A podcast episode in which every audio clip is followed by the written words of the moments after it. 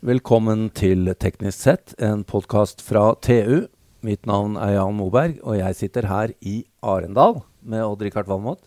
Hei, Jan. Deilig å være tilbake igjen. Ja, det er flott. Det er to Ja. år siden sist. Det er det. Det vil si, vi var her eh, før sommeren på Lydløsfestivalen. Ja. Det var vi. Da var det ikke mye folk. Nei. Arendalsuka er det faktisk to år siden sist. Og Ja. vi må jo bare berømme eh, Arendal kommune og alle partnerne for uh, tiårsjubileet i år. Fantastisk. Um, vi skal sende en del podkaster herfra, og uh, håper at det vil uh, være aktuelle temaer for lytterne. Jeg vet i hvert fall at det vi skal snakke om nå, er veldig aktuelt. Det er det. For og, stadig flere. Og ferskt, må vi vel også si. Ja. Um, for uh, det er jo en elektrifisering som feier over uh, landet og verden for øvrig. Det, det må til. Ja, Men vi er jo ikke helt designa for det, da. Nei, infrastrukturen er ikke utbygd. Vi trodde den var utbygd. Den er ikke det. Hvor mye måtte du betale for den kilowattimen ned på Hvaler kommune her Ja, det var, det var noen kroner når effekttariffen kom ja. som et sånt pionerprosjekt. ja, men det er jo ikke bra at det er sånn, da. Nei, derom strides de lærde. Vi må bare betale. Nå skal vi nemlig få en innføring i en rapport uh, som lyder uh, Infrastruktur for elektrisk transport. Hvilket ansvar skal nettselskapene ha? Og de vi har med oss her i dag, det er uh, leder av Elektroforeningen, foreningen, Frank Jektnes. Velkommen. Tusen takk for det. Og direktør i Nelfo, Tore Strandskog. Velkommen. Takk for det. Dere har, uh, kommer til å presentere en rapport uh, tirsdag, Arendalsuka. Det er altså i morgen, her vi sitter i dag, klokka 13 på Næringslivets hus. Og vi må jo spørre, da. Hva er det dere kommer til å presentere? Hovedbudskapet det er det at politikerne har satt seg enorme hårete mål. da. Ja, De er veldig frampå. Ja, veldig sånn eh, hårete klimamål på trafikksektoren. Eh, og veldig gode mål, for så, for så vidt. Det er helt åpenbart. Men så er det det at for å få realisert disse målene, så er vi avhengig av å få et godt nett, eller ha et Mm. godt nett, Mm. slik at den strømmen som skal brukes, kommer frem dit den skal. Og det er Når den skal. Ja, både, ja, ikke minst når den skal. Eh, slik at Det er et kjempegap mellom politikernes ambisjoner på dette området og hva som er den faktiske realiteten der ute i markedet. Mm. Og Det betyr at nettselskapene kommer til å få en ekstremt viktig rolle for å få realisert det grønne skiftet på dette området. Og vi stiller spørsmålet da er de egentlig i stand til å gjøre den samfunnsjobben de er pålagt å gjøre, eller må vi gjøre noen endringer, både markedsmessig, men ikke minst på det regulatoriske området for å få dette til. Ellers så kommer vi ikke i mål. men når politikerne sitter og har disse store ambisjonene, har de ikke da sørget for at rammeverket for nettselskapene er slik at de kan lykkes? Nei, Det er det som er det store paradokset her. Det har de ikke gjort. Det er vel ikke nytt det at uh, de vil det beste og uh, ikke følger opp i praksis.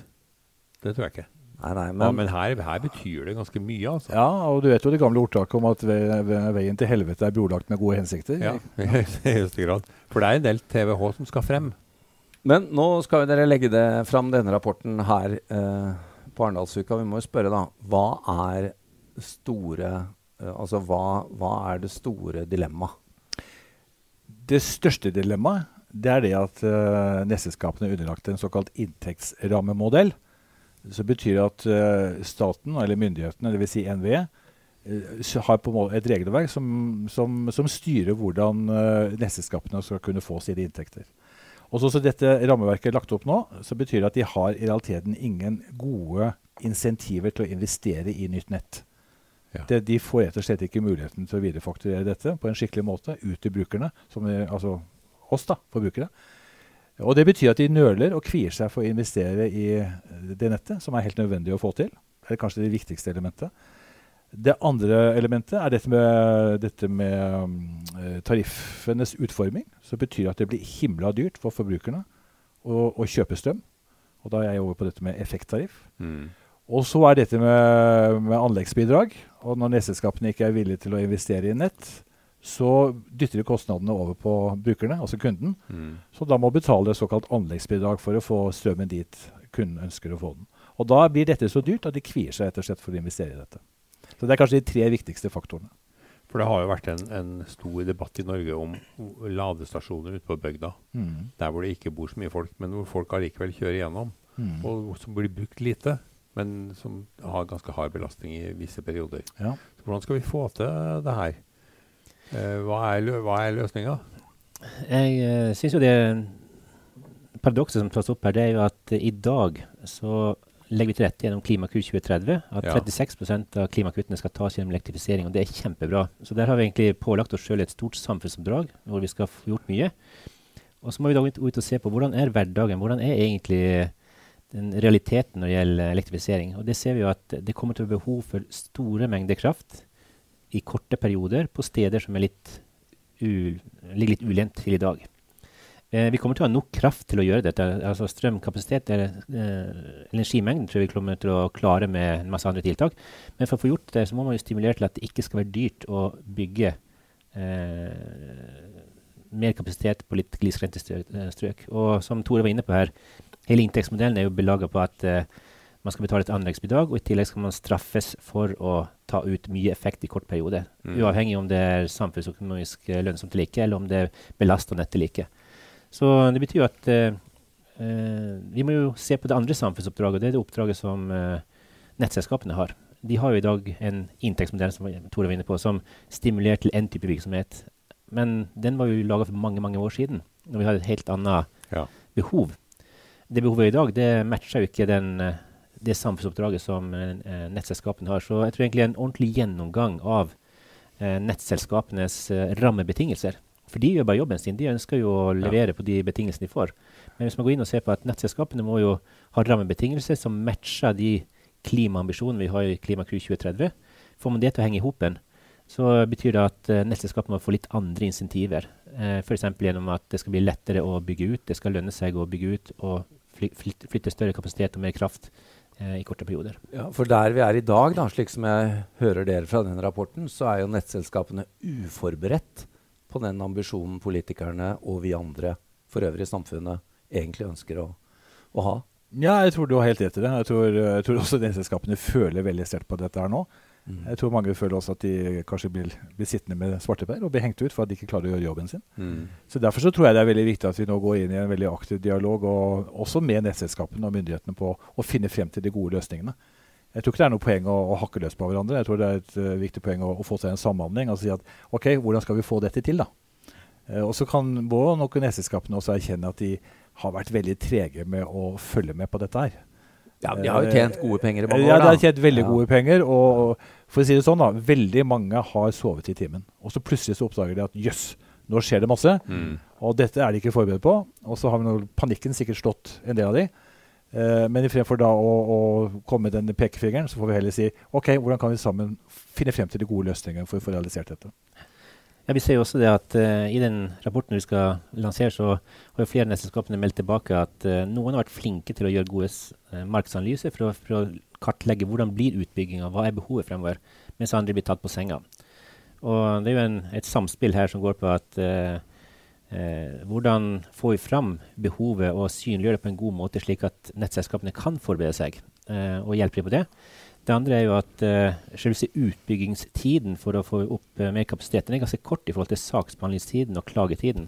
Så egentlig gå inn og se på alt regulatoriske. Hva, hvordan får, får vi opp uh, saksbehandlingstida? Eller ikke opp, ned. Hvordan får Ja. vi mer effektivitet der? For i dag er det ganske omstendelige prosesser som gjør at uh, du bruker mye lengre tid på saksbehandling enn du bruker på å bygge ut ekstra kapasitet i nettet. Så det er også en kjempestor utfordring. Jeg kan jo egentlig forstå at nettselskapene er litt uforberedt, for det var jo på en måte bilindustrien også. ikke sant? Og, og ferjeindustrien og alt, så det har kommet veldig fort. Før har det vært å få frem strømmen til industri og boliger og sånt. Så smalt det for noen år siden. Og så skal vi ha eh, alle bilene over på strøm i løpet av noen relativt få år. Og der må jeg bare spørre Uh, Denne rapporten dreier seg jo om uh, transport. Altså vei og maritim transport. Men i tillegg har vi jo batterifabrikker og datasentre Ja. og alt mulig annet. Ja da. Men, uh, men hvorfor er transportsektoren så annerledes enn de andre? Er det distribusjonen som Ja, altså det er det mange dråper små ikke sant, som Ja. gjør den store åren. mm. Men det er også dette med nettkapasitet er også kjempeaktuelt når det gjelder f.eks. å bygge batterifabrikker. Ja, for alt det andre kommer jo på toppen. Ja, ja, ja. Eh, og, og den rapporten som NO, NO og LO nå nylig eh, la frem nå, ja, like før sommeren, Så skal vi få realisert allerede planlagte, prosjekterte store industrielle prosjekter, så trenger vi mellom 20 og 30 TWh Ja. ekstra utover det. Uh, Og den, rapporten, og den rapporten dere legger fram, uh, der er tallet fem. fem, ja. Så Og det er likevel en liten andel av det store. Absolutt, og det er en ganske vesentlig andel. Uh, men grunnen til at nettotransport er blitt så fokusert, det er jo der Norge har mulighetene for å kutte CO2-utslippene nasjonalt. Ja. Eh, og Derfor så har vi hatt, fått enormt fokus på, på transport. Så Norge har jo nå undertegnet avtaler som gir oss en del internasjonale forpliktelser.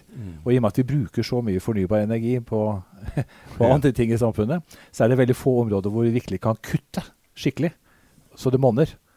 Og da er jo transportsektoren en særdeles viktig område for å få realisert uh, de forpliktelsene vi har skrevet under på. Men nå må jeg spørre, fordi det foregår jo noen eh, konsolideringer i, blant nettaktørene. Eh, det er eh, hvor mange nettselskaper i Norge? Ja, Ca. 130. Ja, og eh, de største utgjør eh, mye av andelen. Ja, De ti største nettselskapene har vel 80% av kundemassen. Ja, men, men vil det ikke Dette er jo naturlige monopoler, da. Vi kan ikke bygge parallelle eller, eller flere linjer fram til forbrukeren. Det sier seg vel selv. Men er det noe å hente på konsolideringen? Ja, og dette var et veldig sånn betent politisk spørsmål. Ja, men det bryr ikke Odd-Rikard og jeg oss om. Nei, nei, jeg er klar over det. Men, uh, hvis du, eh, og det er veldig mange meninger om dette. her, Men hvis vi tenker rent sånn samfunnsøkonomisk og rasjonelt på det, så er det helt åpenbart at vi har altfor mange nettselskaper. Og Ja, for alle 130 kan ikke være like gode. på Nei, ja, de har ikke kompetanse og, og, kapital nok til å investere i det nettet. Ofte er det lokalisert nettopp i de områdene hvor f.eks. dette med elektrifisering av maritim sektor eh, vil stå sentralt. Og Når det minste nettselskapet har bortimot 3000 kunder, og det største har gått over en million, så skjønner man liksom spennvidde her. Så at det må tvinge seg frem med konsolidering, altså med færre og større enheter, det er helt åpenbart. Men dette kommer til å vekke politisk strid, og det er mange eh, krefter som kommer til å jobbe intenst mot en sånn type utvikling. Men jeg tror den kommer også sånn. Det er jo interessant når eh, store nettselskaper velger å etablere inkassoselskaper heller enn å, enn å utvikle sin egen eh, virksomhet bedre. Ja, da har de kanskje hatt det for godt. uh, må jo også spørre, dere sitter jo her og representerer selvsagt Elektroforeningen. Du kan jo nevne det, Frank, hvem som er dine interessenter. Det kan jeg gjøre til Elektroforeningen. Vi er jo eh, en organisasjon for de som produserer utstyr som skal ut i markedet. Alt Ja. elektroteknisk utstyr, pluss eh, neste ledd som er handelen, altså grossistene. Mm. Som sørger for at elektrikeren får tak i alt det flotte utstyret som skal være med å elektrifisere Norge. Mm. Og Og Nelfo skal jo installere det, Tore. Ja, altså vi kjøper jo de tingene og duppedittene Ja, som eh, Det er viktig for lytterne å skjønne hvem som sitter Ja, ja. bordet. da. så vi er entreprenørene, så Ja, det er vi som skrur ut i markedet. Men hva da med det som Odd-Rikard og jeg er veldig opptatt av, nemlig Jeg ønsker meg og Odd-Rikard Vi ønsker oss solpaneler på taket og et Mm. batteri i garasjen. Hvordan spiller det inn i bildet? Lokal energiproduksjon er jo kjempeviktig. Ja, det er jo lite, da, men det blir kanskje volum av det? Ja, altså NVE estimerer jo et uh, potensial på frem til 2030 da, på ca. mellom 3 og 5 TWh på solenergi alene. Ja. Og det er ganske mye. Altså, eh, Lokal energiproduksjon basert på sol kan jo nesten eh, Hvis vi får til en god nok produksjon her, så er det nok til å ta hele de 5 TWh-ene vi trenger for å elektrifisere transportsektoren i Norge. Så dette er en viktig del av det store bildet, og den er konfliktfri. De store prosjektene, enten det er vindkraft på land eller eh, rehabilitering av eksisterende vannkraftanlegg, det er ikke politisk strid. Men det er veldig få som går i demonstrasjonstog mot eh, solpaneler eller Ja, men her er kanskje industrien selv litt motstander, da? Jeg tenker at eh, Det er litt vanskelig å forstå hvorfor det skal være motstandere, men kanskje ikke fått nok oppmerksomhet og nok tilrettelegging. For når vi ser på nettopp det med solceller Hvis du da legger til elementet batterier i tillegg, lokal lagring og produksjon, så har du plutselig fått noen noder ute i systemet som kan avlaste nettet betydelig. Ja. Og jeg tror vi trenger alle disse nodene, og man må løfte på alle nivåer her. Så det er jo eh, eh, Mens fokuset har vært veldig mye på å bevare eksisterende regulering og eksisterende inntektsmodell for nettselskapene, og den diskusjonen rundt effekttariffet underbygger jo det, hvor man, gjør det, man skal gjøre det nye ulønnsomt for å hindre at det kommer. Ja. det blir liksom det er jo en eh, velkjent strategi. Ja, og jeg Ja. tror at man, man, det er som å gå baklengs inn i fremtiden, da. Eh, eller størte inn i fortiden. Så her tror jeg at eh, man må løfte på alle nivåer. Vi må få eh, dette til å spille sammen, hele energisystemet. Det er jo ikke vanskelig å se for seg at uh, solpaneler vil fortsette å falle i pris, og at uh, batterier hjemme kommer til å bli veldig mye billigere. For i dag er de ganske dyre i forhold til de Ja, men Elbilene bil. kommer jo også til å kunne Ja, brukes. og elbil, men de er ikke Ja. toveis uh, De har ikke toveissystemer ennå. Hundai Hyundai har det. Ja, og Nissan sier Ja. at de har det. Så, men, men det må jo til, og det Mm. kommer. Mm. Så vi vil jo få en betydelig batteripark ute i samfunnet etter hvert. Og brukte batterier òg. Absolutt. Avslutningsvis så må jeg jo inn på et tema. Nemlig, dere må jo mene noe i denne rapporten, kanskje ikke, men altså sånn generelt, da. Om oljeindustriens uh, gavepakke som de fikk her, eh, eh, pandemipakke. Vil ikke, vil ikke noe sånt ha funka for eh, nettselskapene også, for å få de til å gi litt fart her? Det er jo dette vi trenger. Absolutt. Eh, jeg tror det kunne være en god modell også for, for nettselskapene. Ja. Så uh, nå ble det klart at Den siste skattepakken ble jo da også unnfanget i en eh, pandemirus kan du si, da, på Stortinget. ja, men nå har vi jo en klima- og, og elektrifiserings... Nå er de blitt vaksinert. Ja, da er jeg fått do- dobbel, uh, trippel vaksinert. Ja, men med det, med det vi ser nå, da, så burde jo egentlig eh, Man ser den siste rapporten fra eh, som viser at det går eh, ad undas. Så tenker jeg at eh, da skulle egentlig motivasjonen for å ta et grep rundt den eh, Det er ikke pandemi, men den store katastrofen vi står foran, eh, stimulert til enda større pakke på det området her enn det vi fikk på oljesida. Så Mm. For dette er jo fremtiden. det er fremtiden, ja. Elektrifisering er fremtiden, Odd Rikard. Det tror jeg på, Jan. Jeg tror olje er fortiden. Ja. Ja. Nei, med det så får vi avslutte. Eh, Frank Jeknes, eh, Elektroforeningen, tusen takk. Tore Strandskog, Nelfo, tusen takk. Takk til Odd Rikard. Og vi må takke Innoventi AS, kommunikasjonsbyrået her i Arendal, som lar oss låne et kontor Ja. til disse Det innspillingene. strålende. Takk. Dersom du ønsker å konsumere enda mer innhold fra oss i TU.no og digg.no, anbefaler vi at du blir abonnent. Det vil gi deg tilgang til alt vårt innhold innen energi, elektrifisering, forsvar, fly, samferdsel, byggenæring, industri, maritime næringer, karriere og mye, mye mer fra vår kyndige redaksjon. Du vil da også få tilgang til alle sakene Odd Rikard skriver om sine 687 favorittområder.